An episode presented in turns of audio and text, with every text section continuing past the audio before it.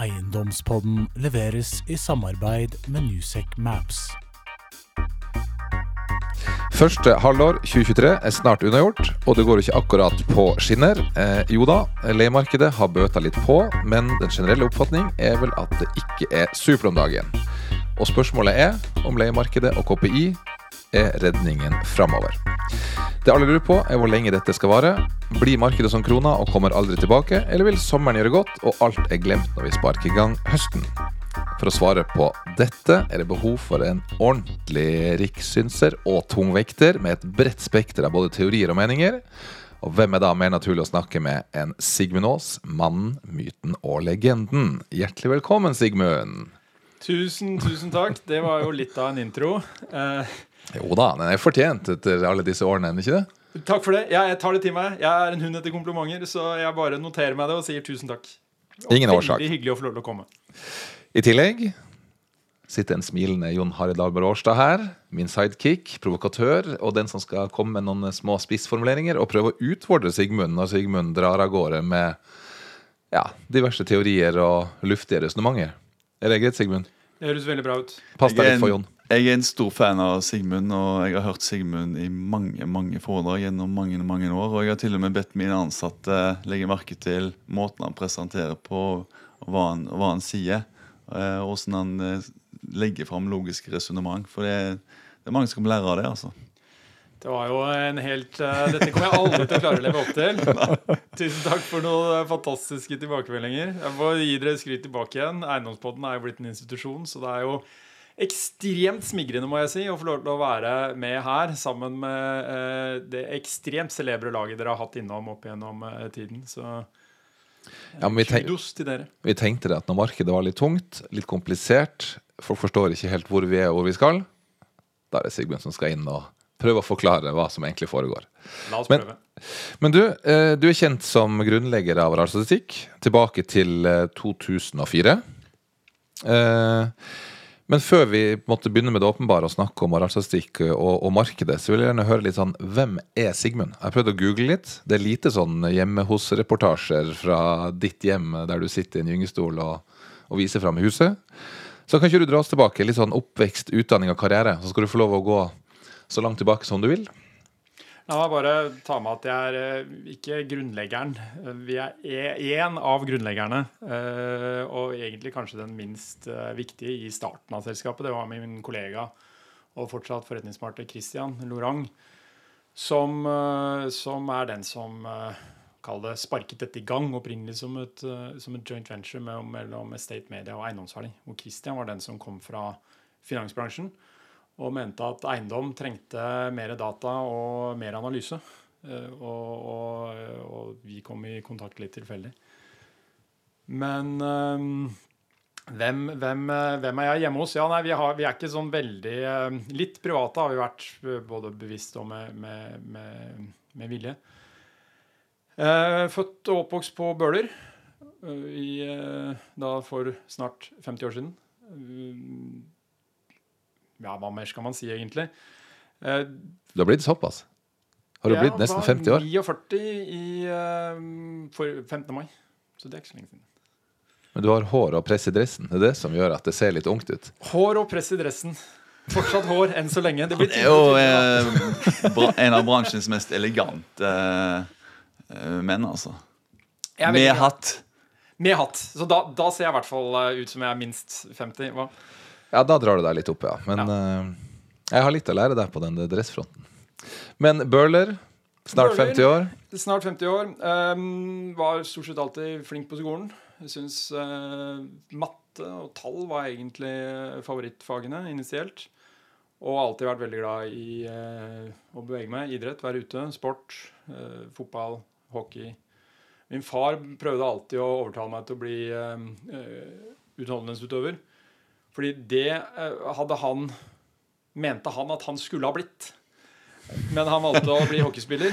Hva han mente han hadde vært mye bedre utholdenhetsutøver. Jeg hørte selvfølgelig ikke på han. Eh, etter hvert som jeg har blitt eldre og begynt å sykle veldig mye i slutten av 20-åra, så oppdaget jeg at han hadde rett. Så jeg skulle selvfølgelig ha hørt på han istedenfor da å drømme om å bli NHL-spiller, som jeg overhodet ikke hadde forutsetningene, verken temperament eller, eller forutsetningene for.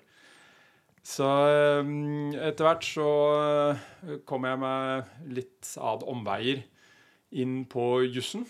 Jeg startet egentlig på NTH, men det, det ble bom. Og så har jeg da endt opp da tilbake igjen nå med å jobbe med det jeg kaller min første kjærlighet, altså da tall.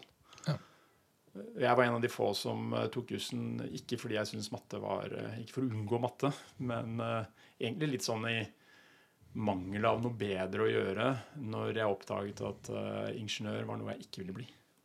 Men du er jurist i bunn? Jeg er jurist i bunn, ja. Men, driv, men driver med tall? Men driver med tall. Ja. Det var en bra kombinasjon, det. Ja, veldig. Og så etter jussen så møtte du Kristian du, da er jeg eh, for så vidt også noe som vi kan snakke litt mer om senere. I forhold til eh, at, eh, som dere vet, og som dere har påpekt, så har jeg vært ganske kritisk til mye av Norges Banks kall vinkling på norsk økonomi. Og en av de tingene var at når jeg kom hjem da fra Jeg avsluttet med en master i finansjus i London, som jeg var ferdig med da i 2002. Og kom hjem da i 2002 til absolutt ingen jobber. Og endte opp med å selge abonnement på Tele2 i seks måneder før uh, Trond Valle var ja. så hyggelig å forbarme seg over meg um, og, og, ga meg og lot meg da jobbe med å dra i gang konferansevirksomheten, eller først dette bladet State Magasin, som han hadde en idé til. Uh, og, og, og, jeg tror altså det å det er jo masse forskning som viser at det å, å, å bli ferdig med utdanning, det å begynne sin arbeidskarriere i en økonomisk nedtur, det er noe som sitter med en egentlig i karrieren ut. Nå hadde jeg kjempeflaks, så dette endte opp med å bli bra for meg. For jeg tror jeg hadde blitt en dårlig advokat. Men uh, det visste jeg ikke da. Så det, det, det, var, uh, det, var, flaks. At dette endte opp uh, sånn som det ble. Og så ble da Arealstatistikk joint venture, som sagt. for jeg jobbet da som prosjektleder eller forretningsutvikler i State Media. Og da var Arealstatistikk ett av da de forretningsprosjektene som på en måte jeg skulle stå for marked, da, marked og salg. Så Aralstatistikk var en del av det vi i dag kjenner som Estate Media? Ja, en kort periode. En kort periode. Før det ble, før det ble en del av uh, eiendomsverdi, og så uh, for en del år siden så kjøpte jo da Kristian og jeg ut uh, eiendomsverdi. Ja. Eh, og før vi kommer inn på det siste på en måte, måneders hendelser rundt Aralstatistikk, så, så slår det meg jo at Altså, det er jo ikke en stor organisasjon. Du har vært alene med Kristian i mange mange år. Eh, men så er du ganske sosial. Er du litt schizofren? Altså, er du mest glad i å være alene, eller mest glad i å være sammen med folk? Er helt klart mest glad i å være lag med folk. Helt klart, med god margin. Jeg trives i mitt eget selskap òg, men klart mest glad i, i uh, å være sammen med folk. Vi er jo, uh, våger jeg påstå, ekstremt bortskjemt som får lov til å jobbe i verdens hyggeligste og beste bransje, i eiendomsbransjen. Og, og, kanskje en av de få bransjene som, som fortsatt, etter min oppfatning, da ikke er kalt transaksjonelle, men er fortsatt relasjonelle. Ja. Sånn at du må ut og møte mennesker, du må være sammen med mennesker, du må oppføre deg ordentlig. Eh, stort sett så er vi vel en av de få bransjene som jeg kan komme på hvor, hvor liksom alle på et eller annet tidspunkt har vært nødt til å samarbeide med alle.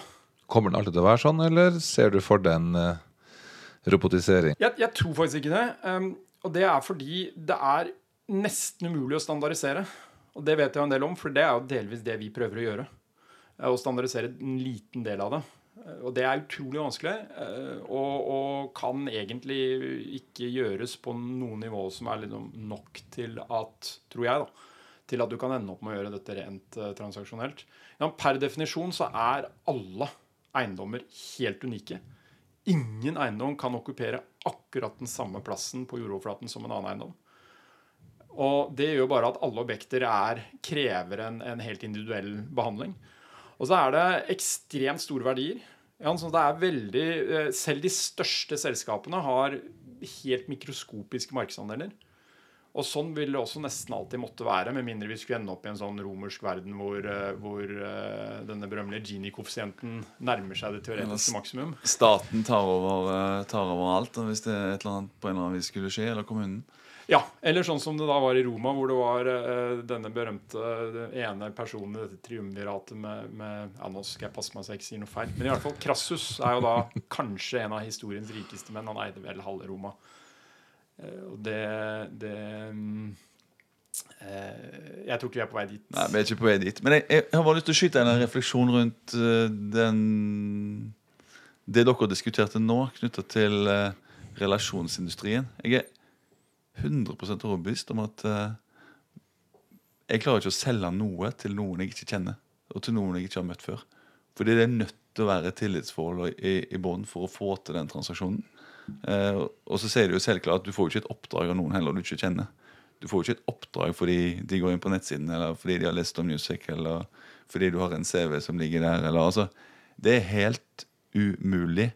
Og at det skal gå fra helt umulig til kanskje i løpet av vår yrkeskarriere, det klarer jeg ikke å se for meg. Så dette er en Men, det, men eh, det, det betyr at aksjemeglere som ble erstatta av Nordnett, det kommer ikke til å skje for næringsmeglere? Nei, det tror jeg ingenting på. Fordi igjen, En aksje er veldig standardisert. En Hydro-aksje er som alle andre Hydro-aksjer. En eiendom er aldri som alle andre eiendom. Den samme eiendommen er ikke engang den samme eiendommen seks måneder etter. Og Det betyr også at den som eier den eiendommen, eh, og den som skal kjøpe den eiendommen, den må ha Den må, den må snakke da med en, med en megler eller direkte, og den megleren må da liksom fremvise dette smykket og pakkettere det på en god måte og få fram alle de gode sidene og, og balansere også disse negative sidene med det unike objektet på den unike måten som det objektet eh, krever. Og derav så må du eh, Derav så går det ikke an å, å gjøre dette her i, bare teknologisk. Og nå sier jeg ikke dette her fordi vi Skal beholde jobben? for å beholde jobben. Fordi det, det er nok, nok av ting å holde på med i denne i rollene her i et meglerhus. Men eh, det er sånn erkjennelse etter ganske mange år. Men, Så skulle men, jeg begynt på nytt, så hadde jeg egentlig bare begynt på, på med relasjoner. Og, og sett bort fra alle de årene jeg har studert eh, Ja, men det har vært ganske mange år eh, med avansert eh, matematikk eh, som det året jeg tok med økonometri, det Ja, det er liksom ikke Det er på det Stort sett så har du en iPhone, og hvis det begynner å bli veldig avansert, du er litt usikker på, så må du legge den på siden. Får litt mer eh, Og da, da, da får du litt flere knapper. Noen ukjente knapper, og noen litt sånn fremmede og skremmende. Men, men eh, det er et nettverksbutikk, dette her. Men, men det, det, det er mitt spørsmål til Sigmund. Fordi eh, relasjoner og tillit Altså hvordan, hvordan har du klart å jobbe deg opp den tilliten fra aktørene i bransjen? For du, du driver jo på med hemmelighold. Altså Samtidig som du skal presentere det på en delikat måte uten å avsløre hva du egentlig har fått inn. Så det, det her er jo avansert, det du gjør. Det, eh, ja, det er, det er jo for så vidt delvis hyggelig at du sier det. Eh, vel, eller egentlig veldig hyggelig at du sier det. Vi, vi har vel eh, Vi, vi håper og tror, og det er i hvert fall som vi alltid har hatt lyst til å drive. Og det har kanskje vært det som har vært nøkkelen til at Kristian og jeg har holdt på sammen i 20 år. fordi vi har vært uenige om, om eh, ekstremt mye, men vi har i hvert fall, tror vi, delt noen sånne grunnleggende verdier. Og, og eh, nå er jeg født ti minutter for sent, og sånn, så jeg skal ikke framstille meg som mer skinnhellig enn enn det jeg er. Men, men, eh, men i hvert fall så håper vi at vi har lykkes med å fortelle hva vi har tenkt å gjøre, og så gjøre det. Og ikke gjøre noe annet. Verken mer eller mindre. Og det har vel vært det vi alltid har forsøkt å, å være veldig tydelige på. Og som vi har tenkt å fortsette å være veldig tydelige på. Eh, At vi, eh, vi eh, gjør det vi har sagt vi skal gjøre. Og, Ja. så, og så håper vi at vi har, folk opplever at vi har oppført oss Apropos den tilliten som dere har opparbeidet dere gjennom alle disse årene. Dere har jo nå fått ny eier. Endrer det noe på måten dere jobber på, måten dere opprettholder tilliten på, og, og, og hvordan vi skal forholde oss til dere going forward? Eller er det business as usual? Det var en av grunnene til at vi valgte uh, Visma. Uh, fordi vi har fått uh, vi, vi skal bare fortsette akkurat som før, faktisk. Og det, det er Nå har vi jo noen måneder på, og det er det vi gjør. Så her vil, her vil dere som er våre kunder og våre brukere, dere skal ikke merke noen ting som helst. Kristin og jeg skal fortsette akkurat som før. Vi skal levere de samme tjenestene på de samme plattformene. Du tar imot dataene. Du Vi kommer til oss i skreddersydd dress og hatt. Du forteller alt du vet, og Yes. litt mer. Alt blir, som, eh, alt blir, her, som, eh, blir her som før. Og så tror vi Visma er en veldig, veldig god partner for eiendomsbransjen. De uh, håndterer uh, konfidensiell informasjon for flere titalls tusen, mm, vil jeg tro. Ja, altså eh, selskaper gjennom regnskapsinformasjon. Mm. Så, så nettopp da det at dette er et, eh, et selskap som er vant til å eh, jobbe med de samme ting som oss, da. Informasjon som er ekstremt viktig, og som er konfidensiell. Og det, det tror vi skal bli veldig bra. Ja, så de som eventuelt måtte frykte konfidensialitet eller annen problematikk knytta til det, det er Nei, det er det ingen grunn til. ingen grunn til. Nei. Vi kjører på som før. Ja. Nydelig. Eh, og så ser jeg at Visma har jo vært eh, på kjøperen og kjøpt flere enn bare dere. Har Visma en, en, sånn, eh, en sånn plan om å bli en sånn digitalt monster som tar alle, alle oss næringsmeglerne til slutt, eller eh, For de begynner jo å få mye data, og hvis de da lager en, en god frontend, så, så kan de jo sikkert begynne å gjøre en del med de dataene og predikere en del ting. Nei, Det hadde jeg, vært, det hadde jeg bekymra overhodet ingenting for. Eh, Visma er eh, en, en software-leverandør, og det er det Visma skal være. En, en software-leverandør til bransjen. Så dere skal jo forhåpentligvis være kunder av, av Visma. Og det er klart, da kan man jo ikke drive med ting som er i konflikt med det som kunden ens eh, skal drive med. Så det, det Og, og Vismas strategi her er nettopp det. Å bli en software-leverandør til eiendomsbransjen. Til næringseiendomsbransjen. Så Visma har de beste intensjoner, og du kjører på som før. Ja. Ja. Ja, for nå snakker du altså Forklar bare sånn med enkle ord forretningsmodellen til RR-statistikk. Du tar hemmelige data og aggregerer det og forteller historier rundt det. Er det Ja. Du, det behøver ikke legge noe til noe der. Det var perfekt oppsummert.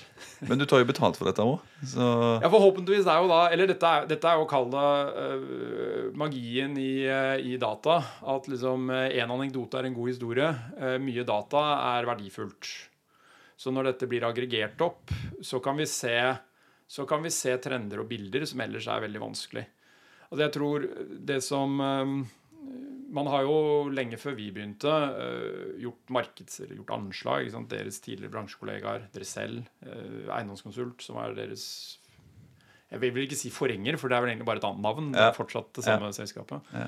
Dere var vel først, eller i hvert fall blant de første, eh, som drev med næringseiendomsmegling. Og, og, så det har jo alltid vært, kall det, markedsdata der ute. Men, eh, men uh, igjen dette med at eiendom er så unikt, og hver eiendom er, er, er, er, eh, er helt, helt unik, gjør at du må ha veldig mye data for å kunne være ganske trygg på at de markedstrendene du observerer, ikke bare er støy. Ja, For det kan være eiendommen og ikke markedet. For det kan være eiendommen, og ikke markedet. Og, det, det, og det, kan, det behøver ikke engang være eiendommen, det kan bare være altså, uflaks i tidsenheten. Jeg vil jo påstå, Sigmund, i den konteksten at et av de største problemene eh, er jo datakvaliteten innenfor for næringseiendom. Og du tar opp det, du må ha et stort utvalg. Og det er litt sånn Hver gang jeg ser en eller annen makroøkonom fra en eller annen bank eh, som er vant med å sitte foran en Bloomberg-terminal, eller Det blir sånn Ja, lykke til. Eh, det, det, det er så naivt, da, helt til du liksom har jobba mange år med dette her, og du skjønner at oi, her er det mye støy. Her var det litt leiefritak, og her var det litt rabatter. Her var det nye pusser, her var det slitent. og her var det- Her var det en kjeller, men det var i samme by Altså, det, det er Men du påstår da, med det store utvalget dere har i all statistikk, så kan dere skape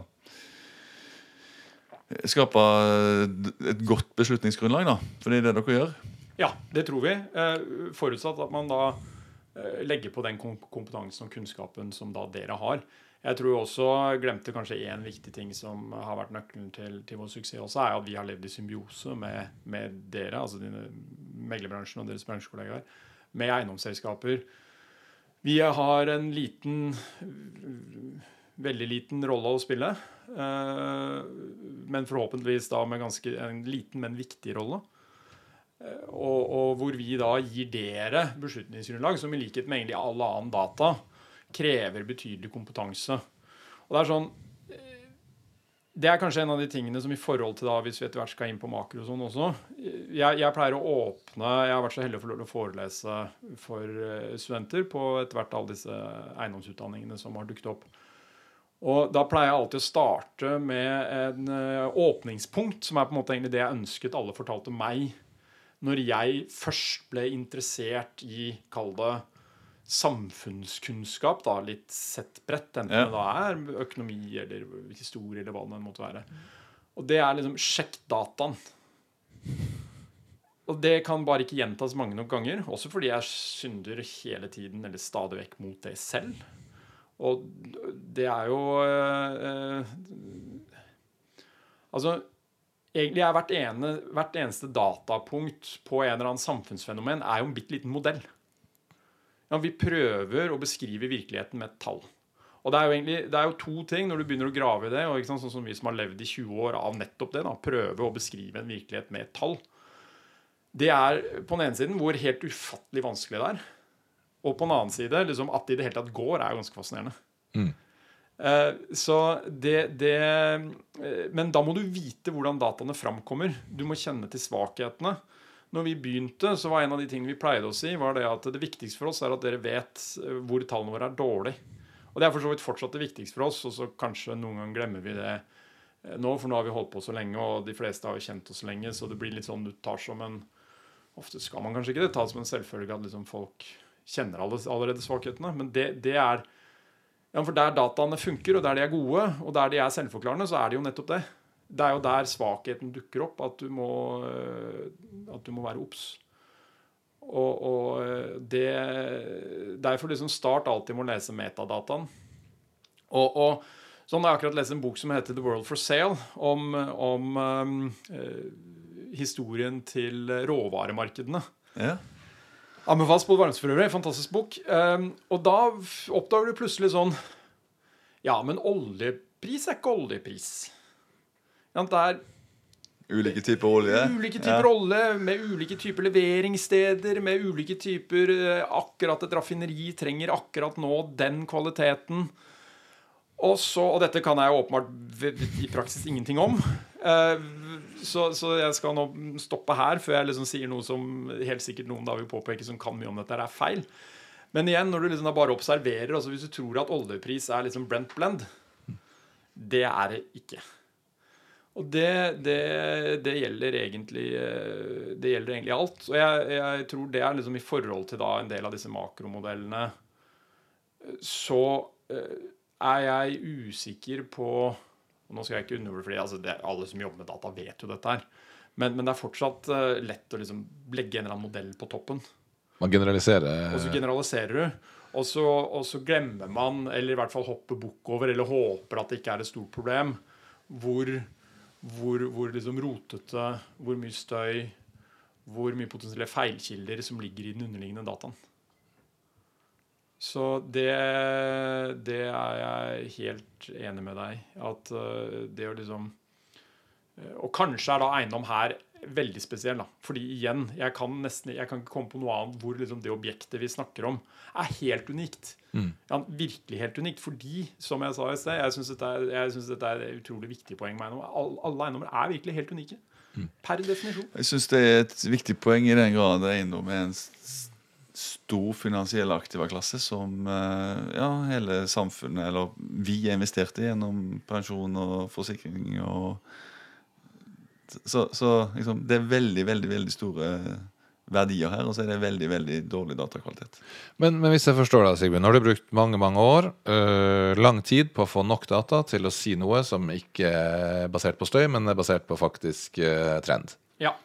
Men nå kommer miljøbærekraft og ESG, og så sier folk er leiene på Tullinløkka høyere pga. at det er miljø, eller er det for at bygget er nytt, eller for at det er større enn naboen, eller er det for at det er kulere enn han lenger ned i gata? Ja. Du, hvor mye data skal du ha før du skal tørre å uttale deg om effekten av miljø og bærekraft i bransjen? Vi har jo samla inn dette her nå også, over noen år. Eh, hvor vi har samlet inn energimerkene fra en del aktører. Og, og, så lagt da leiedataen vår oppå dette for å se om vi kan finne ut av noe av det. Og svaret er jo at det er veldig vanskelig. Vi, vi har gjort akkurat samme øvelsen. Ja. Uh, og jeg kan bare ta sånn kjapt fra vår side. Vi har jo en verdiindeks basert på at vi gjør eh, nesten 5000 verdivurderinger hvert eneste år. Uh, og så kategoriserer vi det. Uh, og det vi ser, er jo at de byggene vi kategoriserer som miljøbygg, er typisk nyere bygg, typisk langkontrakter, og blir typisk straffa mer i dagens marked når rentene går opp. Men da er det jo kontrakten som straffes, og ikke Altså, du skjønner hvor jeg vil hen? Altså, miljøbyggene ser ut til at de faller eh, mer enn de som ikke er miljø. Men det er jo ikke fordi det er miljøet de faller. Det er jo andre ting som er årsaken. Og hvis du tar på leiebiten, så så det ut som, når vi begynte med den øvelsen første gang, at du fikk noe høyere leie for et A-bygg, alt annet lite. Eller et B-bygg. A var i praksis umulig å måle, fordi det er så få A-bygg. Og så kom koronaen, og så forsvant den effekten helt, og da så det faktisk omvendt ut. Og da er jo noen eh, mulige konklusjoner. Da. Det ene er det at eh, det var aldri noe der. Det var bare støy. Andre er at det var noe der, men effekten er åpenbart bitte, bitte, bitte liten. Og at det vi observerer nå, altså at eh, nå får dårligere bygg eller mindre grønne bygg bedre leie, at det er støy, og at liksom, men det fortsatt får litt eh, bedre. Og det tredje er jo det at det faktisk er en liten effekt. Var positiv og ble negativ under, eh, under koronaen. Men er det, når du sier alt annet like, eh, mener du da justert for den ekstra byggekostnaden som ofte Nei, da, fordi ikke sant, leien er jo på en måte Nå snakker jeg da hvis du hadde ah, Eller snu på problemstillingen og si det at det, vi, det vi egentlig prøver å svare på, det er er en leietager villig til å betale mer for et bygg utelukkende fordi det har et godt energimerke, Ja. eller er grønt? Helt uavhengig av hva det eventuelt koster. Og så sier jeg at uh, ut fra de tallene vi har, så er det ekstremt vanskelig å si. Og da har vi energimerker og sånn på ja, hva var det? Over 3 millioner kvadratmeter, tatt på husk. Mm. så ganske mye. Stort volum, altså. Stort volum. Men problemet der sant, er at det er masse data i E, E, D og C. Ja. Nesten ikke noe data i A og B. Fordi det bare er jo spesielt A. da Fordi det er så få eh, A-bygg. Men det du sier, at det til tross for da at uh, disse avbyggene vanligvis koster litt grann mer, stadig mindre enn et eh, C-bygg å, å, å oppføre, så klarer ikke du å se en merleie. Så justert for den antatt høyere byggekostnaden, så er det fortsatt ingen signifikant i, i svarene dine.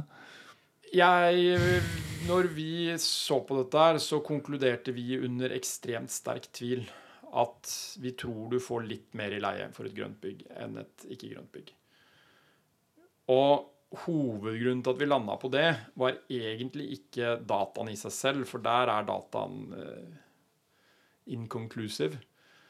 Men at den liksom trakk i den retningen, kombinert med det at jeg kunne putte opp en brukbar hypotese for hvorfor det eventuelt skulle være en årsakssammenheng, som var da direkte på grønt. Og denne brukbare hypotesen, det var bare det at ja, når en leietager velger et bygg, så er det en million grunner til at de velger et bygg.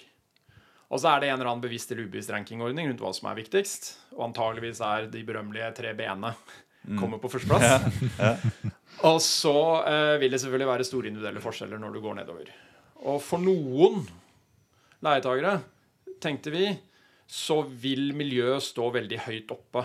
Reelt sett. Ikke bare greenwashing, men reelt sett. Det er grenser for hvor La oss ikke bli helt kyniske og bare si at alle gir blanke, for det åpenbart gir ikke alle blanke. Så um, Og gitt at det er så utrolig små volumer av A- eller B-bygg, så trenger du ikke veldig mange aktører som putter da dette høyt oppe på prioriteringslista si, før det vil potensielt kunne påvirke marginalprisen.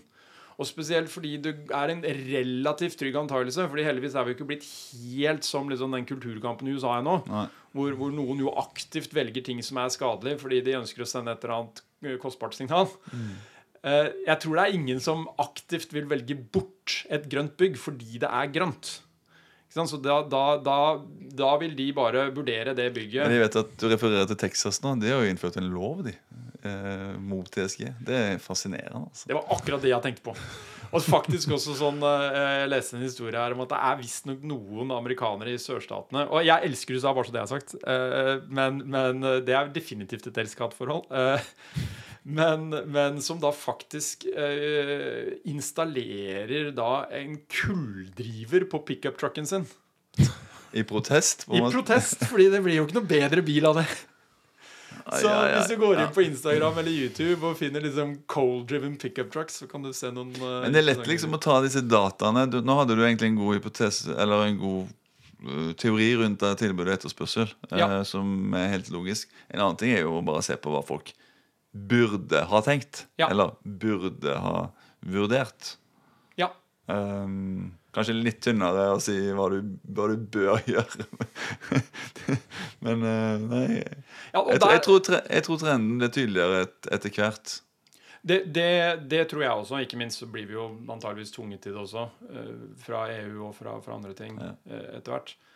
Men, men igjen, altså jeg er bare igjen tilbake til dette med Vi snakket om at jeg har mange kjepphester, og dette er jo også en av kjepphestene, som, som kanskje ikke snakker så ofte om, dette med, med nettopp det at hver eiendom er unik. Og, og eh, det, det er jo Altså Akkurat hva som er grønt og miljøvennlig, er jo heller ikke helt åpenbart. En gammel eiendom, der er mesteparten av CO2-biten er tatt. Fordi byggekost, eller bygge, byggevarer er jo ekstremt CO2-kostbare. Byggeprosessen er ekstremt CO2-kostbar. Mm.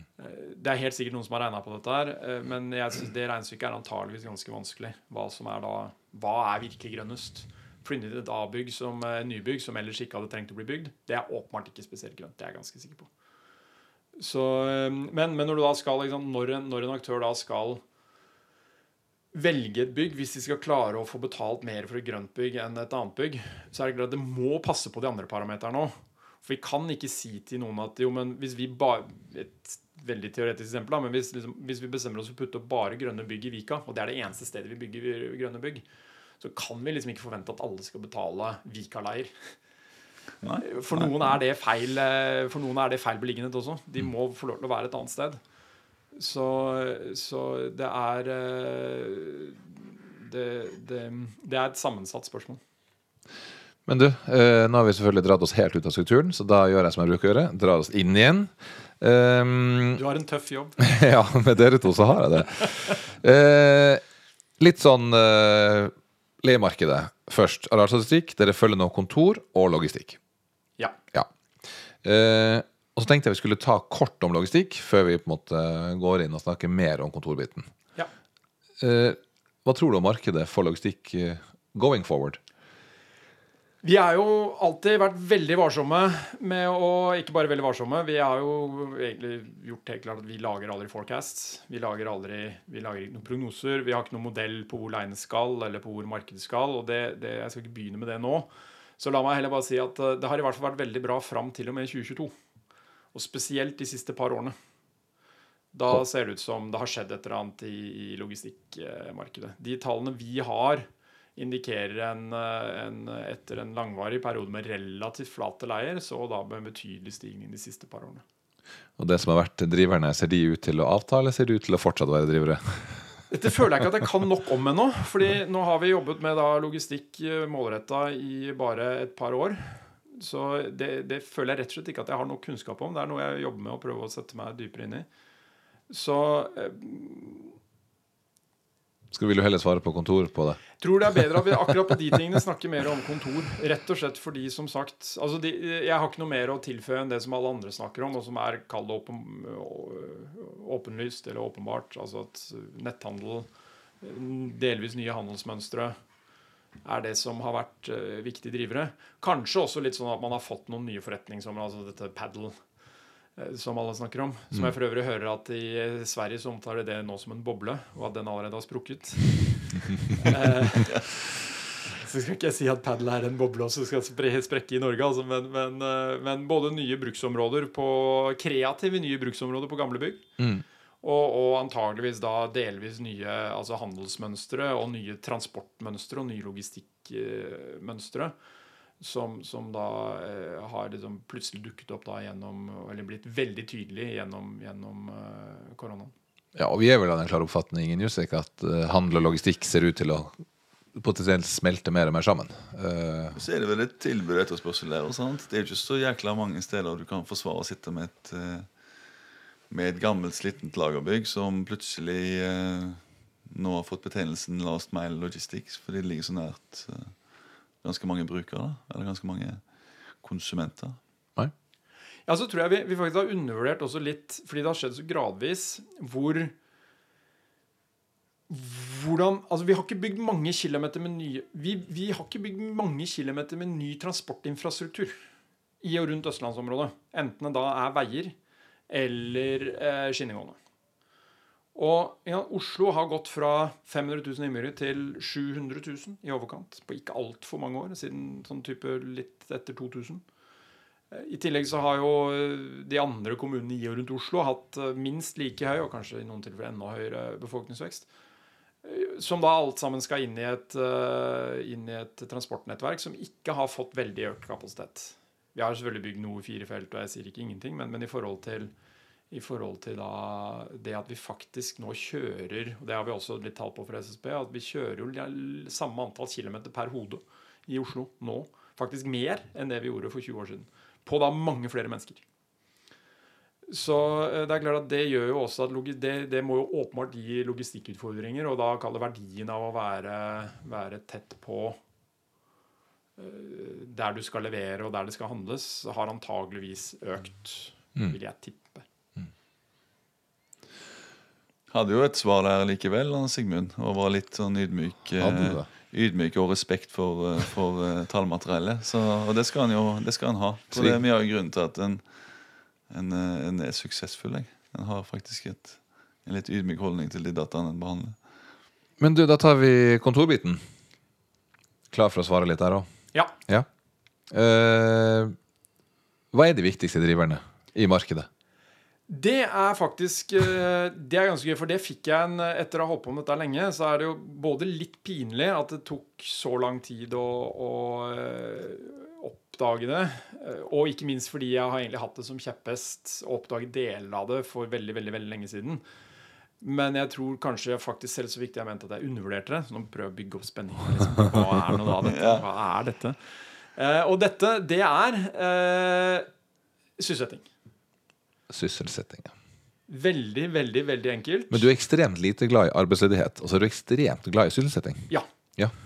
Og, og, la oss holde litt på den tanken med arbeidsledighet. Så kommer litt tilbake til, for det er virkelig en av kjepphestene som jeg da kan få lov til å Jeg har blitt lovet å få lov til å slutte meg helt løs på det. Ja da. Ja, da. Ja, ja. men dette med sysselsetting det er ganske åpenbart. Vi, vi, øh, noen må trenge eiendommene. Og, og, de som trenger en næringseiendom, det er de som har jobb. Har du ikke jobb, så trenger du ikke næringseiendom. Så eh, jo flere som har jobb, jo større behov for næringseiendom. Antageligvis også jo større betalingsvillighet for næringseiendom. fordi jo flere som har jobb, antageligvis jo vanskeligere er det å få tak i folk. Eh, og jo vanskeligere er det å få tak i folk, jo bedre totalpakke må du gi dem. Hvor da åpenbart liksom, omgivelsene du skal utføre denne jobben i, er viktig. Ja. Um, så I tillegg så er det jo sånn at når du er i ekspansjonsmodus, så er du selvfølgelig mindre kostnadsbevisst. Fordi det er jo hele poenget med å være i ekspansjonsmodus. Så eh, når det, og når du da når det går bra, så er jo mange i den samme uh, modusen, og da, det, da øker etterspørselen dramatisk. Og det jeg sier at, uh, at det er litt sånn rart at jeg ikke oppdaget tidligere, fordi dette er jo Jeg får ikke noen nobelpris, som jeg pleier å si, for å påpeke at sysselsetting er antageligvis viktig for, for leieprisene. Men det slo meg at den er nok eh, Altså korrelasjonen mellom eh, leiepris og sysselsettingsvekst er veldig, veldig veldig tett. Så tett at det virker som om andre variabler, sånn som f.eks. bygging og tilbudsside og sånn, enten må da være minst like responsiv på da endringer i etterspørselen som det eh, prisen er. Eller at det rett og slett bare betyr mye mindre enn det vi eh, har trodd. Men er prognosene for sysselsetting gode nok til å predikere Lea? Og er det, er det noe leggeffekt eventuelt her? Det ser ikke ut som det er noe særlig lag-effekt. Det er nok litt lag-effekt på veien opp hvis du kommer etter en uh, relativt dyp nedtur hvor man på en måte, Hvis sysselsettingen har falt mye, så står jo eiendommene der. Og, og, og, da er det nok et lite lag. At det kan se ut som det er et lite lag etter uh, dotcom-krisa. Og at da, liksom, da kommer Da må, da må sysselsettingen stige noen år før leieprisene begynner å komme etter. Eh, hvis du liksom starter på toppen, så tror jeg det går mye fortere. For da, da sant, Ledigheten er alltid eh, arealledigheten er alltid lavest rett før ting går åt skogen. Mer eller mindre per definisjon. Så da er det helt sikkert, ikke helt sikkert, men nesten helt sikkert leiene som faller først, mye før, mye før ledigheten eventuelt begynner å stige. Så eh, Men, men da har jo du svaret nå. For det, mitt neste spørsmål er jo bare eh, Hva har vært de største signalene på en nedtur? Og, og hvis du nå sitter og sier at arealledigheten er ofte lav før det smeller, eh, du sitter og ser på sysselsettingstall som ikke har noen særlig leggeeffekt, ja, hvor, hvor skadelig er markedet vårt nå, da? Nei, det er jo da helt avhengig av sysselsettingen. Du får ikke lokket meg ut på Men er det ikke sånn at mange makroanalytikere følger Eller SSB må jo gjøre dette her, eller Norges Bank. De vil jo også, vil jeg tro, følge eller lage forventninger rundt sysselsettingsvekst. Ja, det gjør de, og de er dårlige. Og de er dårlige, for de treffer ikke? Nei. Eh, Altså, og, likhet og derfor kan, prognoser, bruke det så- til, derfor kan du ikke bruke det til å predikere egentlig leiemarkedet heller. da Nei. Det er, det er sånn hvorfor, hvorfor treffer de ikke det? Nei, Det er et godt spørsmål. eh, Eller hoved, Hovedsvaret på det er bare det at liksom framtiden på et sånn grunnleggende filosofisk plan er umulig å vite. Eh, Og så er det jo det vi alle sammen ønsker jo veldig sterkt noe annet. ikke sant? Siden du også per definisjon er tvunget hele tiden til å lage en prognose. Fordi du kan jo ikke ta en beslutning uten at du har en eller annen prognose på framtida. Og så, hvis du liksom bare tenker gjennom hvor mange ganger verden er blitt helt annerledes, selv på ting som du i utgangspunktet skulle tenke var hadde en lineær sammenheng med noe som skjedde i går. Hvor mange ganger du våkner opp om morgenen, og ting ser helt annerledes enn det du trodde når du la deg. Eh, Alt fra de helt sant, dagligdagse tingene til eh, om barna dine blir syke, eller om skolen er stengt, eller om det ble en streik. Altså, alt fra helt dagligdagse ting til, til de helt eh, største tingene. At plutselig så våkner du opp en dag, og så er det to fly som flyr inn i skyskraper i New York. Eh, Eller du våkner opp en dag, og så har Putin invadert eh, Ukraina. Så, så det er liksom eh, det, det er jo det er, det er jo naturlig at vi har et ekstremt sterkt ønske om å vite hva framtiden bringer, selvfølgelig. Og så kan du bare ikke gjøre det. Men, men jeg innleda med å si at markedet har jo nå vært redda av en god leieprisutvikling og noen hyggelige kopijusteringer. Men hvis du skal Jeg skjønner at du ikke har lyst til å gi eh, en prognose, men er det noen signaler nå som er i retning av at det skal opp, ned eller sidelengs? Hvis du må sannsynlighetsvekte det her, da. Altså Hvis vi skal starte med det For det var jo ned. Siste kvartal er jo ned. Ja, siste kvartal isolert sett er ned. Nå er det alltid eh, sesongeffekter i første kvartal, så eh, første kvartal er veldig vanskelig å, å liksom, trekke veldig bastante konklusjoner på. Det, mm, men, men, og, og det at liksom, snittet i første kvartal er lavere enn snittet i fjerde kvartal, det er ikke inkonsistent med et fortsatt stigende leiemarked. Men gitt at så bra som leiemarkedet var i fjor, så ser det ut som om eh, eh, leiemarkedet er svakere i år. For da så det ut som leiemarkedet var så sterkt at liksom selv med sesongeffekter så var liksom første kvartal opp, og tredje kvartal, som er et annet da, typisk svakt sesongmessig kvartal, var også opp. Eh, Og når vi da har lavere snitt i første kvartal enn i fjerde kvartal, så er, er meste tyder på at veksten akkurat nå er noe lavere enn den var på slutten av fjoråret. Men det er ikke inkonsistent med et fortsatt stigende leiemarked. Men avtagende vekst. Men avtagende vekst relativt til i fjor. Det er hvis du, hvis du liksom bare inntil vi får et annet kvartalstall som kan avkrefte eller bekrefte det, så er liksom akkurat nå er sannsynlighetsovervekt på at leiemarkedet fortsatt vokser, men saktere enn i fjor. Ja, og det, det vi gjør i Newsec, er at vi ser ofte på fire kvartals glidende snitt. Eh, og det siste kvartalet som kom inn, ja, det kom lavere enn forrige kvartal, men det kom høyere enn det kvartalet vi kaster ut.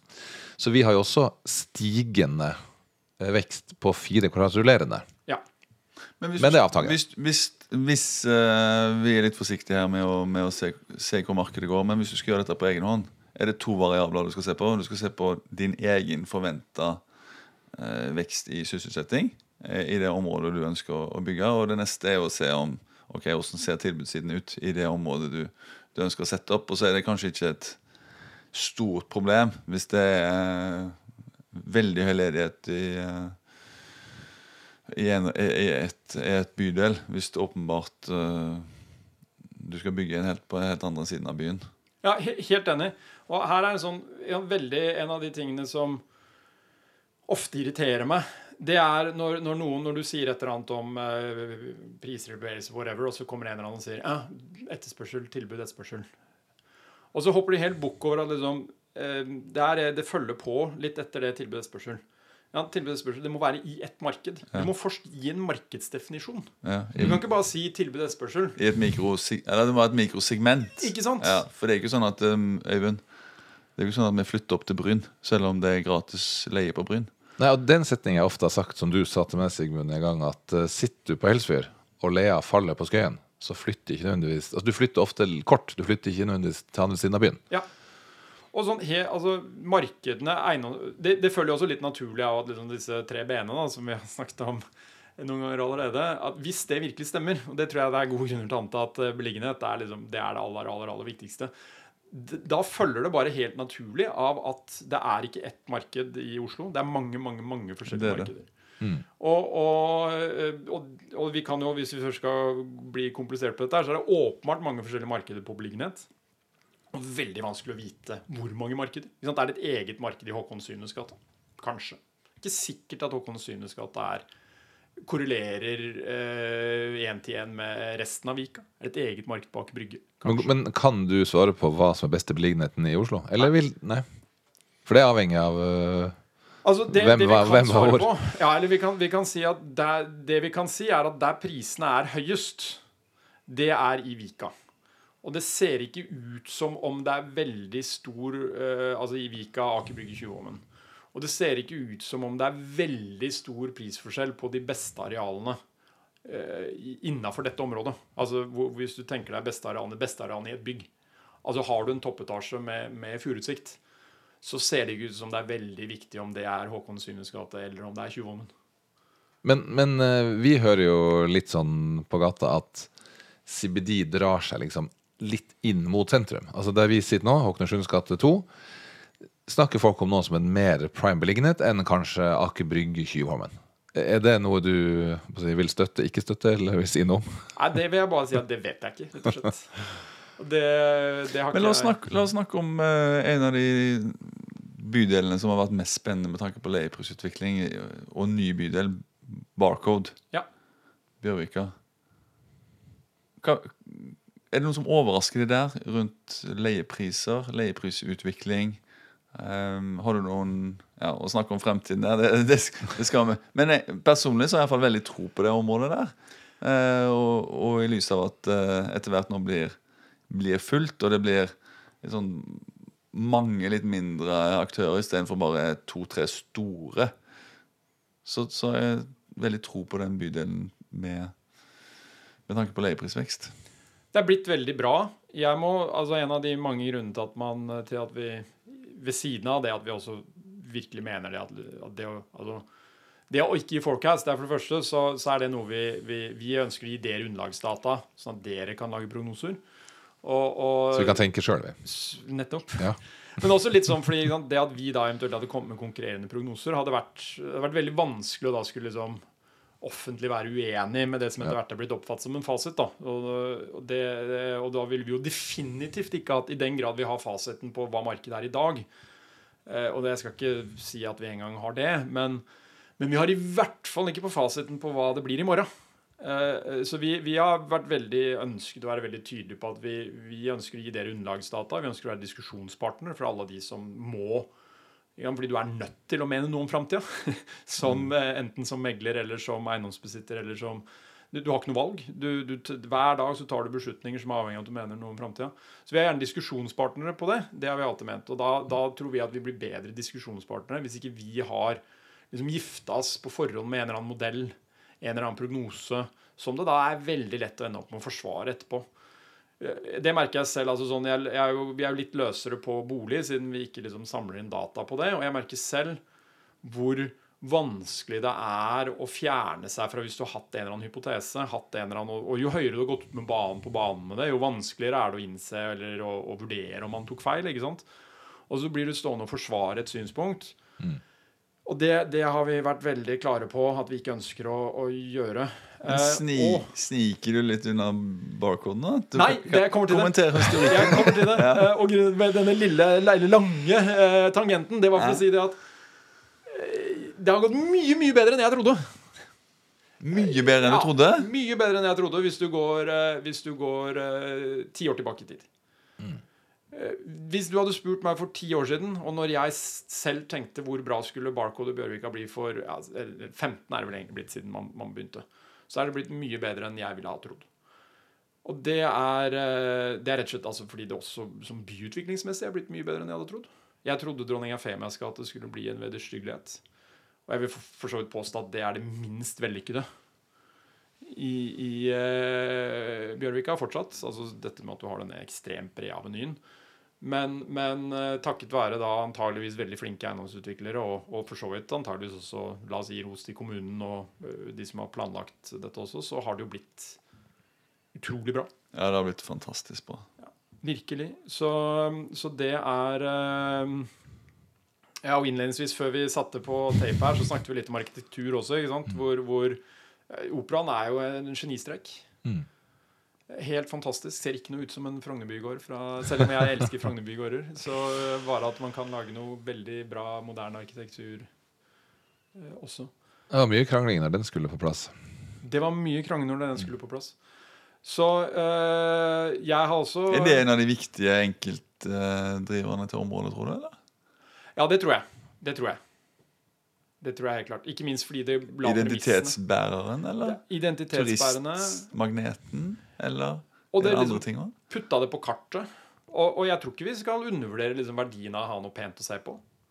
Når du sitter der nede, så har du noe pent å se på. Du blir glad når du øh, går ut av Oslo S og, og kikker på operaen.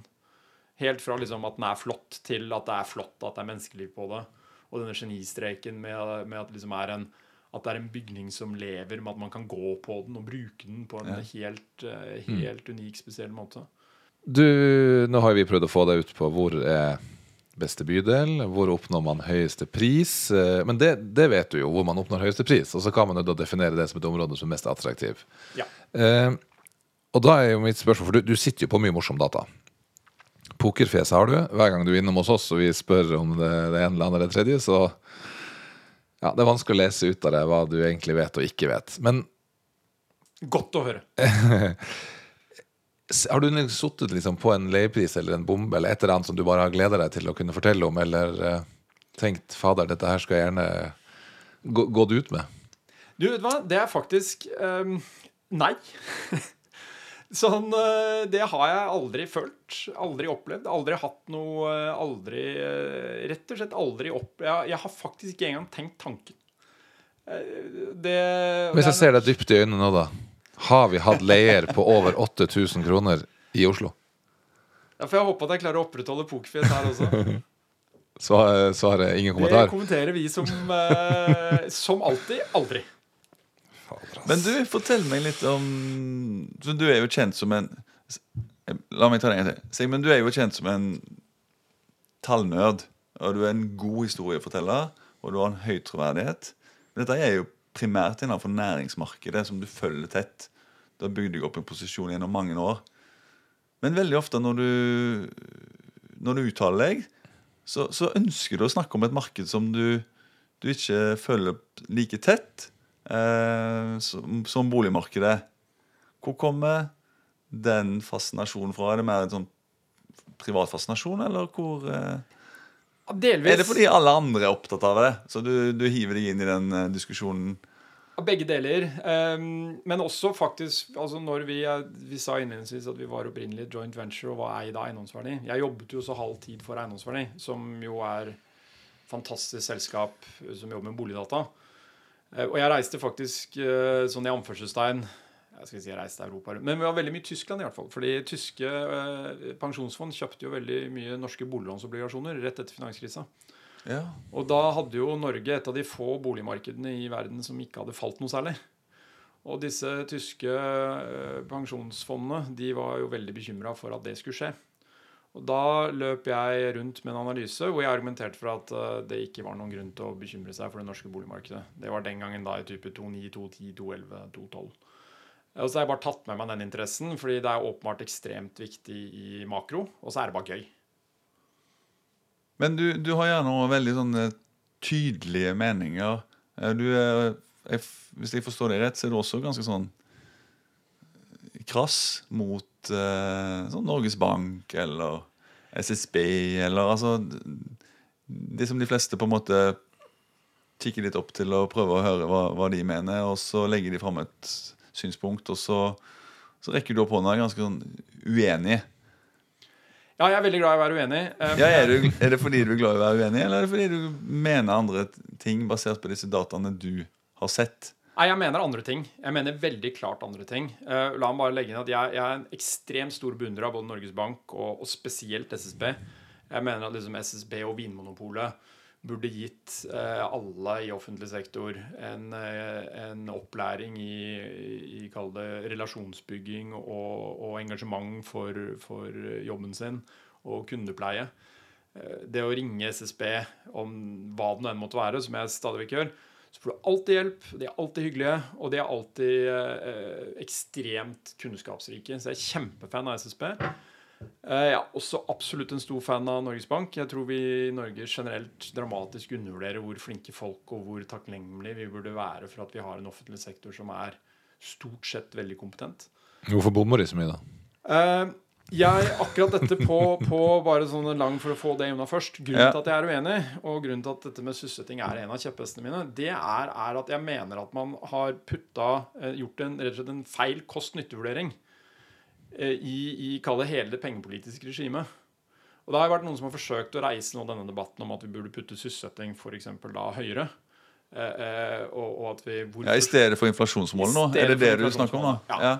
Du styrer etter sysselsetting istedenfor uh, inflasjonsmål? ja, eller mange- fastkurs eller andre Ja. Og så vil folk si at det prøvde vi på 70-tallet, sånn ad omveier, og det gikk ikke så bra. Men, men eh, da, det gikk bedre enn ting har gått nå. Det har, og det er jo liksom, Folk har egentlig ikke tatt inn over seg hvor, hvor svak makro, makroøkonomisk utvikling Norge har hatt de siste ti årene. Og, og, og det, at, liksom, det at folk står uten, utenfor jobb, det har en helt enorm kostnad. Både for de personlige og for samfunnet. De personlige, Det er ingenting som er mer ødeleggende for livskvalitet enn å være Jeg skal ikke si ingenting, men Ja. det er i hvert fall veldig ødeleggende. Og, og, og det er jo ekstremt trist for samfunnet, for det betyr at vi går glipp av den verdiskapningen som de kunne ha stått for, som vi aldri får. Så, så liksom, vi er fattigere for hver person som ikke har jobb, som kunne hatt jobb, så er vi fattigere. Nei, alle vi andre er fattigere. Vi får ikke glede av den verdiskapningen som de kunne ha stått for. Um, og så har det vært en ekstremt livlig eh, makro- eh, og penge- og finanspolitisk debatt i USA, som ble sparket av med finanskrisa. Som vi aldri har fått i Norge, etter min oppfatning. Og det syns jeg er veldig trist, for jeg tror det, det burde vi hatt. Og noe eh, Og da kaller det det at jeg prøver å da reise hånda og være uenig, jeg kaller mitt lille bidrag til å prøve å dra i gang denne debatten. Og jeg syns at liksom dette er så viktig at det bør være lov å, å, å, å være klar og sterk i talen på det, sånn at vi får en debatt om det. At vi får en debatt om, om, om eh, har, sant, Sånn som det som har vært min kjepphest i mange år. Norges Bank sa at vi var på full sysselsetting som pluss-minus 2013. Ja. Ja, og det, det er i praksis. Da har Norges Bank lagt arbeidslinja død. For med de sysselsettingsandelene vi hadde i 2013, så, så følger det bare altså, av nødvendighet at vi må ha veldig mange mennesker på trygd. For den var lav, og den var mye Ja, du mener de måler det feil, da? Du mener at uh, de tar ikke hensyn til alle de som ufrivillig uh, Ja. melder seg opp på universitetet eller ufrivillig mottar trygd? Eller, altså, de tar ikke hensyn til den reelle arbeidsstokken som kunne vært i jobb? Er det Ja. det du Det er akkurat det jeg mener. De Ja. undervurderer hvor stor kapasiteten er i arbeidsmarkedet. Ja. Og hvis du følger eh, amerikanske økonomer, eh, sånn som Men du kan ikke ha 100% sysselsetting. Det kan du ikke. Eh, for eh, hvis på et, på et eller annet tidspunkt her uten at jeg, eh, Det er noen år siden jeg gikk ut fra Handelshøyskolen, men da, da, da presser du opp og får en veldig høy lønnsdannelse, sant? som igjen drar prisveksten. Skulle du gjort det, så måtte du egentlig kommet med en annen pristak, da, eller et lønnstak, for å holdt den, in, altså den interne etterspørselen nede. Og så er vi jo en åpen økonomi og importerer inflasjon. Og så det, ja, det, kunne også blitt stygt. Men har du tenkt noe gjennom dette? Hvor, hvor, mye, hvor mye ledighet kunne du tillatt, da? Hvis det er liksom det viktigste punktet. Ja, La oss ta to punkter først. Det første er dette med arbeidsledighet. For da er vi tilbake til dette punktet jeg nevnte i sted, om, om check, check data. Sånn, Folk, Mange tenker at arbeidsledighet er definert som har ikke jobb, skulle gjerne hatt det.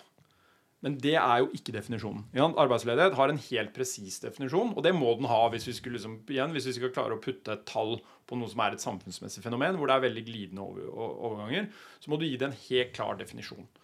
Og Nå har vi to definisjoner i Norge, eller vi har sikkert flere, men i hvert fall to som er de som oftest brukes. Og Det er da det som heter Nav-ledighet, registrert ledighet på Nav, som er den Norges Bank putter i PPR. Eh, det er da de som registrerer seg som helt arbeidsledige på Nav. Og så regner man det da som i prosent av da, eh, eh, det som AKU, tror jeg, er noe med, nesten, men i hvert fall av det som er en, en, definisjon av arbeidsstokken. Og det som er en definisjon av arbeidsstokken, det er de som sier at de er tilgjengelig for å ta en jobb.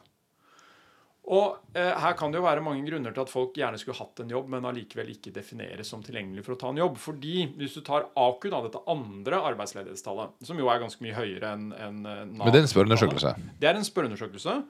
Og da er du Da får du eh, ja, Først får du spørsmål om du har jobb. Og hvis svaret på det er nei, så får du oppfølgingsspørsmål. Én har du søkt aktivt etter jobb jeg tror siste fire uker. Hvis svaret på det er eh, nei, så er du ikke arbeidsledig. Selv om du gjerne ville hatt jobb. Hvis du var bartender under, uh, under koronaen, og, og, du gjerne ville ha jobb, men det var ikke noe vits i å søke, ja nei, da er du ikke arbeidsledig. Det følger av definisjonen. Hvis du sier ja på det, jeg har søkt aktivt etter jobb, så får du et oppfølgingsspørsmål som er kunne du begynt å jobbe i løpet av neste uke, tror jeg der. Jeg husker ikke akkurat disse tidsdefinisjonene, om det er uke eller to uker, men, men, men, noe sånt. Og hvis du svarer på det nei, jeg kan ikke begynne å jobbe før om to måneder, da er du heller ikke arbeidsledig. Selv om du veldig gjerne vil ha en jobb. Så eh, det er liksom Denne arbeidsledighetsdefinisjonen, den fanger opp bare et veldig lite, liten del av det jeg mener er den reelle, potensielle arbeidsstyrken. Som i det minste burde defineres som alle som sier at de gjerne skulle hatt en jobb. Og Hvis du ser på tallene fra, fra SSB, for det har de faktisk også tall på, så har du et, et tall som spør um, Hvorfor spør de ikke hverandre? Kunne du tenkt deg jobb? Jo, men de spør om det. Og de har svar på det. Ja, men, ja, men uten alle disse innen fire uker og og det var akkurat det jeg skulle si. For hvis du følger opp det, så ser du det at eh, når SSB da uh, har et antall flyt i, i uh, flyt i arbeidsstokken, eller flyt i arbeidsmarkedet Og da sier de du fikk jobb forrige kvartal. Stat Du fikk jobb dette kvartalet. Hva var din status forrige kvartal? Jan, hadde du da de forrige kvartalene sagt det at du ønsket deg jobb, men du hadde ikke søkt aktivt, og du kunne ikke begynne å jobbe i løpet av en måned? Eh, sånn at du ikke var i arbeidsstyrken, selv om du var arbeidsledig? Og da ser de at de fleste som får jobb hvert kvartal, det er folk som forrige kvartalet ikke var i arbeidsstyrken. Altså som da ikke var definert som arbeidsledig, selv om de ikke hadde jobb. Mm -hmm. Og da har Så det er en skjult ledighet, rett og slett? Det er rett og slett en skjult ledighet. Og i, i USA så hadde de en ekstremt uh, kraftfull debatt som sagt om dette her i 2008, hvor da Paul Krugman og Brad DeLong, altså det jeg kaller store amerikanske økonomer, argumenterte, og mange andre også, argumenterte kraftfullt for at det er veldig vanskelig å definere denne arbeidsstokken.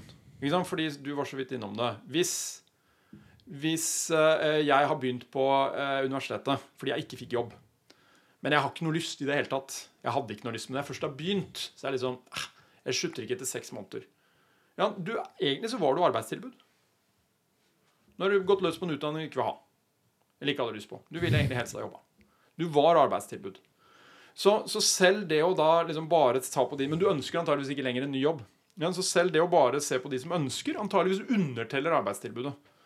Så derfor lanserte da Eller lanserte, vi har alltid hatt det, men derfor eh, var det mange amerikanske økonomer som sa at la oss isteden se på hvor stor andel av befolkningen mellom 25 og 54 år som har jobb. Og så bare sammenligner vi det med tidligere topper. Og så kan vi i hvert fall ta som utgangspunkt at hvis andelen er lavere nå enn den var på tidligere topper, så er det antageligvis ledig kapasitet i arbeidsmarkedet. Fordi det er ingen grunn til å anta at en 30-åring i dag er latere, sykere, mindre interessert i å jobbe enn en 30-åring var i 2008. Og da ser du at den andelen vi har i jobb nå, og har vært siden finanskrisa, rekordlav. Hvor, mye, hvor, mange flere er det som kunne hatt jobb, da? Har du er, regnet noe på det? Jeg har regnet litt på det. Og, og her er, det blir jo fort sånn semikomplisert. ikke sant? Fordi igjen, ta da, Grunnen til å se på 25-54 er fordi da slipper du å diskutere endringer i alderssammensetningen i befolkningen. For det er klart at hvis vi ønsker nok en høyere andel nå i høyere utdanning enn det vi hadde på 80-tallet. Antageligvis er det et gode. Det er ikke helt sikkert, men antageligvis. Og så ønsker vi at folk på et eller annet tidspunkt skal få lov til å pensjonere seg. Og så er det åpent spørsmål når det er. Eh, eh, Men eh, etter hvert som da stadig flere av befolkningen blir eldre, så, vil, så vil stadig færre jobbe. Så Derfor ser du på 25 til 54, for da kan du tenke at stort sett er folk ferdig med høyere utdanning, og stort sett er det for tidlig å pensjonere seg. Helt uavhengig av hva du mener om hva som er den optimale andelen i høyere utdanning og den optimale alderen for å pensjonere seg. Så hvis det tallet indikerer ledig kapasitet, så er det i hvert fall ledig kapasitet. Men ikke sant, mastersyken som man snakker om, hva er det? Jo, det er etter min oppfatning ledig kapasitet i arbeidsmarkedet. Ja, hvorfor må du ha en master for å uh, være barista på kaffebrenneriet? Ikke et vondt ord om uh, barista, fordi det å være en god barista, det er helt fantastisk. God er kaffenerd. Kaffe mm. god kaffe er fantastisk. Men du blir antageligvis ikke en bedre barista av en master i, i, i, i øh, Sosiologi. for eksempel. Men du vet, eh, det her vet jo sikkert du, da, men eh, jeg leste en gang at Norge er det landet i verden med minst forskjell i lønning mellom høyt og lavt utdannede. Ja. Mens Finland har visst høyest. Eh, Men et av argumentene er jo nettopp at vi har så mye oljepenger at skal du få noen til å klippe håret på noen når alternativet er å jobbe på plattform, så må du få godt betalt, ellers så har du ingen frisører. Ja, og det tror jeg helt klart er en effekt. Det er jo noe som eh, Erling Rød Larsen har som en av sine kjepphester. Det de kaller den Balasso-Samuelsen-effekten. altså da etter de økonomene, tror jeg. Eh, hvor bare poenget er at du, vi, er nødt til å, vi, vi nødt til å betale da de som er i en skjermet sektor, som vil betale de for at ikke de skal gå og jobbe på plattform, akkurat som du beskriver. Um, jeg tror også det er fordi vi er, eh, har altfor mange mennesker med høy utdanning. Det er min lille kjepphest. Men får du gehør når du prater med, med Ida, eller eh, Nei, jeg har aldri prata med Ida. Men er det noen som er med på resonnementet ditt, eller blir du sett på som en sånn eh, som sitter i opposisjon og bare skal være uenig?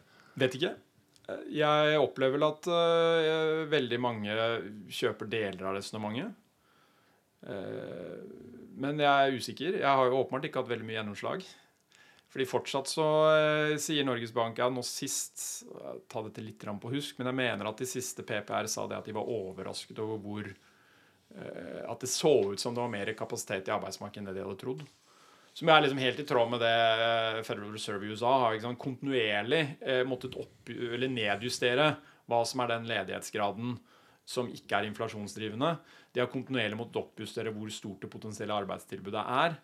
Eh, og det må de fortsatt gjøre. Og det er bare en annen måte å si at liksom Krugman og, og Bradalong og, og, og jeg har, har rett. da. Og Bare for å ta noen konkrete tall her, uten at vi skal bli altfor mye på det. Men på slutten av 80-tallet så var to, og, godt over 90% eller par og 90% av den mannlige befolkningen mellom 25 og 54 år i jobb. Siste tall nå er 86% Det er 6 prosentpoeng. Det er mange mennesker. Og for kvinner, som av en eller annen grunn fortsatt da har betydelig lavere sysselsettingsandel i denne aldersgruppa enn en, en menn Jeg kan ikke komme på noen god forklaring på det. eh, Så er også andelen lavere enn den toppen du hadde i, 80, i, i 2008. Så dette her er mange jobber som vi kunne ha hatt. Og Det ble nok en eh, litt lang tangent, men hvis vi går tilbake til Vi startet veldig med boligmarkedet her, Jon. Gjorde vi ikke det? Ja, jeg ville jo utfordre deg på Du mener Det jeg egentlig ville si, når jeg var litt snill i spørsmålet mitt, det var jo at du med rette har all data i verden og troverdighet i verden til å snakke troverdig rundt næringseiendomsmarkedet. Og så er jeg litt sånn spørrende til om du har like godt datagrunnlag og kan like mye om, eh, om boligmarkedet. Og så har du jo òg, i din ydmykhet som, som, du, som fremkom ganske tidlig du er jo heller ikke noe økonom, selv om du er selvstudert økonom, eh, Sigmund. Helt, helt sant. Um, dette med, med, det er et stort savn at jeg ikke er økonom. Uh, hvis vi skal snakke om hva man sånn i ettertid jeg for så vidt angrer på, så var det da at jeg ikke tok økonomiutdannelsen. Uh, så andre får jo vurdere om de syns resonnementene mine står seg, selv uten den formelle kompetansen. Men uh, når det gjelder bolig, så, så er jo det bare jeg, jeg syns det er spennende og jeg synes det er gøy. Og jeg er helt enig i at jeg har på ingen måte noe unik innsikt i boligmarkedet, så derfor folk vurderer resonnementene eh, på Altså, det får de jo alltid gjøre, men på egen, egen vekt. Um, jeg, Men du, men du oppleves jo negativ Du oppleves som en, at du er negativ til boligmarkedet. jeg har vært negativ til boligmarkedet nå noen år. Men ikke like ille som Harald Magnus. De siste årene har jeg nok vært like negativ som Harald Magnus. Men uh, jeg har ikke alltid vært negativ til boligmarkedet. Christian og jeg puttet alle sparepengene våre Eller alle. Vi puttet mye av sparepengene våre inn i, inn i utleieboliger uh, fra 2007 av. Jeg var kjempepositiv til boligmarkedet fra 2007 og fram til sånn 2014. Og så siden 2014 uh, har jeg vært litt sånn vekslende av og på på om jeg er negativ eller positiv. Og så har jeg vært ganske negativ siden 2017, og veldig mye mer negativ da nå etter, uh, etter at renteoppgangen har kommet. Og det har jo så langt vært uh, feil. Det har ikke vært så feil å være negativ siden 2017, for realboligprisveksten har ikke vært veldig høy siden 2017. Jeg tror jeg så på det der sånn ja, Det er noen små prosentpoeng, så du har kunnet gjøre veldig mye bedre investeringer enn bolig siden 2017. Men, eh, men det har åpenbart vært feil. Og Men- men- men- men hvordan- var det? da? Hva kunne du gjøre som var så utrolig mye bedre? Hva sa du? Hva kunne du gjøre som var så utrolig mye bedre? Næringseiendom, f.eks. Næringseiendom. Eller bitcoin. Som også, Eller er, ja, som også er eiendom. Ja, ja. Nei, ja, det det er nok eh, ja, oljeaksjer, vel, antageligvis. Jeg har ikke ja. satt meg veldig Nei, du, men- eh, du, du Men hvordan kan du altså hvordan kan prisene stige når renta har uh, tredobla seg på halvannet år? Nei, det er eh, kjemperart. Jeg har ikke noe godt svar. Bygges, bygges det for lite? Eller du er liksom ja, det uenig? stiger vel, og det stiger vel ikke bare i, i Oslo heller, ut ifra det jeg ser i statistikken. Altså, det stiger jo bredt, så da er det jo heller ikke det derre som Oslo har med rette blitt kritisert for, at de får jo fader ikke regulert et eneste, et eneste, en eneste leilighet eh, i byen. Nei, det Så, så det er liksom sånn Jøss. Nei, min, jeg er helt enig. Min, min hypotese har jo som sagt vært at vi ikke har boligmangel. Altså Jeg er helt enig i at kommunen gjør en forferdelig dårlig jobb i regulering på, på mange mange måter. Det er en stor debatt som vi ikke tar nå. Men jeg, jeg mener at vi allikevel har klart å bygge sånn pluss-minus omtrent det vi trenger. Og at det som har drevet prisen i boligmarkedet, har vært da lønnsvekst og rentefall. Og da med, siden det har vært veldig dårlig lønnsvekst de siste ti årene, så har det vært i det alt vesentligste eh, rentefallet. Og nå har renta tredobla seg, og boligprisene stiger fortsatt. Så da Vet ikke. Og da faller de til høsten, eller? Jeg vil eh, Nå med da alle de samme forbeholdene progno på prognoser som jeg har kommet med tidligere, men jeg, jeg Jeg tror det.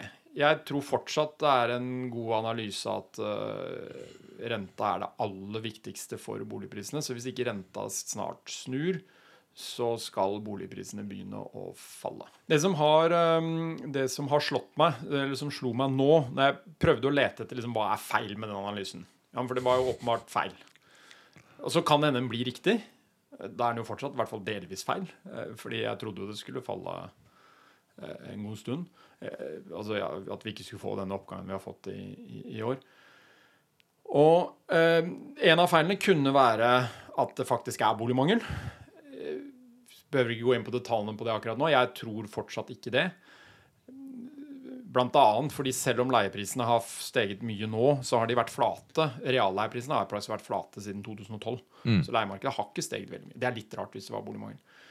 Um, det som jeg oppdaget her når jeg gravde litt i demografitall, det er det at jeg, jeg har nok Mange har påpekt arv som en veldig viktig driver. Og det har jeg avfeid litt som ja, det betyr åpenbart litt, men hvor mye kan det bety? Og jeg tror jeg ombestemmer meg der og tenker at det var feil å si at det betyr eh, litt. Jeg tror det betyr mye. Og grunnen til at jeg tror det betyr mye, var at det gikk plutselig opp for meg at det dør nå et eller annet sted mellom 45 000 og 50 000 personer i året. Og så er det jo to foreldre, så eh, si det er 25 000 arvefall da i året. Og så har de som dør nå, mer enn to barn i snitt. Så det er jo da 50 000-60 000 personer da, som får arv hvert år. Gjennomsnittlig eh, formue for de som er i den alderen, er ganske høy. Og antageligvis er den eh, desidert høyest i Oslo på alle mulige måter. For det er boligformuen er det alt vesentligste. Så det er klart at de fleste som eh, dør nå, etterlater seg en veldig stor netto boligformue. Og det selges ikke mer enn 120 000 boliger som pluss-minus i landet i året. Så det er det at hvis 50 000 personer brått får veldig mye mer penger i form av arv, og det er veldig naturlig å putte dette inn i boligmarkedet, så tror jeg kanskje arv betyr veldig mye allikevel. Den, eh, men eh, OK, bare for å nyansere litt. Hva med dette, denne forskudd på arv, da? Det er jo ikke sånn at du, du, du kunne jo ha sett på en litt sånn hvor, Eller da må jeg jo inn og se på tallene. da Hvor mange får forsket på her? Det var ikke for å Nei, men jeg synes det er et for veldig å godt poeng. liksom, Jo, nei. arrestere poenget ditt. Jeg tror poenget ditt er veldig veldig godt. Jeg har ikke brutt det ned på tallnivå. Jeg likte det, likte det godt, eh, måten du gjorde det på. Men eh, det er vel litt forskudd her òg. Men jeg vet ikke om det er statistikk på det. Jeg vet heller ikke om det er statistikk på forskudd på arv, og helt klart, det er det. Eh, Så det, det vil jo spre det mer utover. Men, men det vil jo sånn hvis ikke det er store endringer på forskudd på arv, så vil jo det bare, bare være en kontinuerlig faktor som er omtrent like stor, Ja. og som da Ja. reflekterer de samme Og hvis hoveddelen av arven er den boligen oppe i åsen, Ja. så får du ikke litt av den. Nei. Og så er det nok også sånn at um, det går an å tenke seg at når nå renta har steget Hvis folk fortsatt tror at bolig er liksom en god investering, og, og helt uavhengig om de tror det er en god investering, men at det, liksom, det viktigste for de er å ha et godt sted å bo, så er det jo ikke unaturlig at man da kanskje får mer arv nå. Og spesielt hvis da Altså mer forskudd på arv. Og, og man kan også tenke seg at der når øh, ungene selv klarte å skaffe seg lån da, og finansiering, og boligprisene var litt lavere, så trengte de mindre arv. Nå kanskje de foreldre som før kjøpte hytte, tenker at hytte er i hvert fall ikke noe vits i å kjøpe. Eh, Så når da deres foreldre dør, så går pengene rett til barnebarna. Jeg liker eh, måten eh, du argumenterer for, for du, du tar jo som, Sånn som du begynte med da i podkasten din, sant? så var du veldig kritisk til data. Eh, og du stilte deg alltid spørsmålet hva ligger, hvordan samles dataen inn, eller hvor troverdig er dataen? Og så aggregerer du det, og så bryter du ned, og så prøver du å forklare eh, ja, en utvikling, da. Eh, men på din måte. Det er veldig originalt. Det er veldig inspirerende, Sigmund. Men du bygger, du bygger opp resonnementet på en måte som gjør at du har fått oss med på det du skal ende opp med å konkludere med, eh, før du egentlig har sagt hva konklusjonen er. Så du er litt smart i din oppbygging av eh, argumentasjon. Ja, takk for det. Det er jo veldig hyggelig. Jeg, jeg gjør egentlig ikke så veldig mye annet enn å dra gjennom liksom, Sunn fornuft. Ja, kall det gjerne. Eller egentlig hvordan jeg bare også steppene som jeg selv har gått gjennom. Så det forteller bruker, egentlig bare hvordan jeg selv har Du bruker dette, dette her når du skal gjøre dine egne antakelser rundt boligpriser. Ja. Men leier du eller eier du i dag? Nei, jeg kjøpte Jeg leide noen år. Eh, to år. Eh, eller tre år ble det kanskje etter hvert. Eh, men jeg kjøpte nå en bolig som jeg bor i nå, i 2016. Den skal du beholde, eller? Den skal jeg forhåpentligvis bli boende i livet ut. Så prisene skal opp? Jeg tror ikke det. Jeg tror selv med den arven, og spesielt fordi jeg tror det er en veldig stor Altså, denne arven er jo først og fremst bolig. Mm. Så hvis dette først nå begynner å, å gå i feil retning, så vil du liksom få veldig mange sånne eh, onde spiraleffekter på veien ned. Så, så eh, Og jeg, jeg klarer ikke å se at man med de rentene man har nå, eh, kan ha råd til de boligprisene vi har nå over tid. Så det, det Med mindre rentene da kommer betydelig ned igjen, så, så tror jeg boligprisene skal ned fortsatt. Men da skal vel hytte, klokke Enda mer ned. enda mer ned. Ja. Og jeg så eh, senest i går leste jeg avisen at folk nå ringer forsikringsselskapet sitt og ønsker å få refundert eh, flybillettene, eller ta det på forsikringa. Fordi det viser seg at de har ikke råd til å dra likevel. Ja, og med det så tenker jeg at det er på tide å begynne å runde av herfra fra vårt podkaststudio, Sigmund. Eh, vi har eh, vært eh, litt innom arealstatistikk, vi har vært litt innom leiemarkedet, litt makro, litt bolig, eh, litt historie, litt arkitektur. Vært gjennom ganske mye på denne, denne tiden. Det har vært kjempegøy. Igjen, tusen, tusen takk for invitasjonen. Eh, du er jo litt forsiktig med å, å predikere oss på. Men de som eh, lytter ordentlig godt etter, de har vel fått noen hint i retning av hva man skal se etter før man skal konkludere. Det håper jeg. For du, du er god på redskapene. takk for det. Ja. Så bruker man redskapene du eh, anbefaler, så bør man kunne se et eller annet fram i tid. Er det Det er et veldig interessant spørsmål. Altså, er det Ja. Ja, Men du ser jo etter Ja noe for å Absolutt. konkludere med Man kan, man kan, Jeg skal ikke bli helt nihilistisk og si at er, vi vet absolutt ingenting om hva som skjer, for åpenbart gjør vi det. Ja. Noe vet vi. Og, og du kan skyve uh, sannsynligheten i din retning. Eh, og, og da tror jeg de parameterne som jeg mener det er viktig å se på, selvfølgelig, Kan- kan- kan være hjelp i den retning. Der har vi det står litt sånn eh, Litt sånn vagt, så skal du slippe å være helt sånn eh, bastant på det. Og med det så tenkte jeg vi skulle runde av her eh, med Eiendomspodden. Utrolig hyggelig å ha deg på besøk, Sigmund. I like måte. Fantastisk hyggelig å komme. Vi har jo vært innom eh, både det ene og det andre og det tredje. Ehm, helt sånn på tampen eh, Når du ikke jobber med eiendom, eh, og ikke river deg håret pga. Norges Bank sin hva, hva de gjør, eller at boligprisene ikke går i den retninga du trodde, hva, hva, hva gjør du på fritiden? Hva er det vi ikke vet om det? Eh, nei, Uh, stort sett på fritida så er det jo mest trening. Jeg er jo veldig veldig, veldig glad i å sykle. Um, og så uh, hadde jeg lyst til å bare slå et lite slag for fugler. Fugler, ja. Fugler! Jeg Ja. er blitt veldig glad i fugler. Jeg bor i åttende etasje og har en balkong. og, og det er jo blitt sittende der ute noen somre og bare rett og slett se på de fantastiske eh, luftakrobatene som fugler er. Og så leser du litt om det, og så finner du ut at antageligvis er jo da fugler de smarteste eh, skapningene på jordflata, bortsett fra oss selv. ja. Spesielt kråker har det vært forsket mye på, som er eh, Er de ekstra smarte på bøler, eller er det Det tror jeg ikke. Nei. Det kan hende, men det, det tviler jeg på. Men de er bl.a. i stand til å gjenkjenne mennesker, eh, som det har vært gjort masse eksperimentering på. Og de er mm, bruker de som bruker mest. Hvis du går inn på YouTube og, og, og søker opp kråker som bruker verktøy, så vil du se at de faktisk klarer å lage verktøy.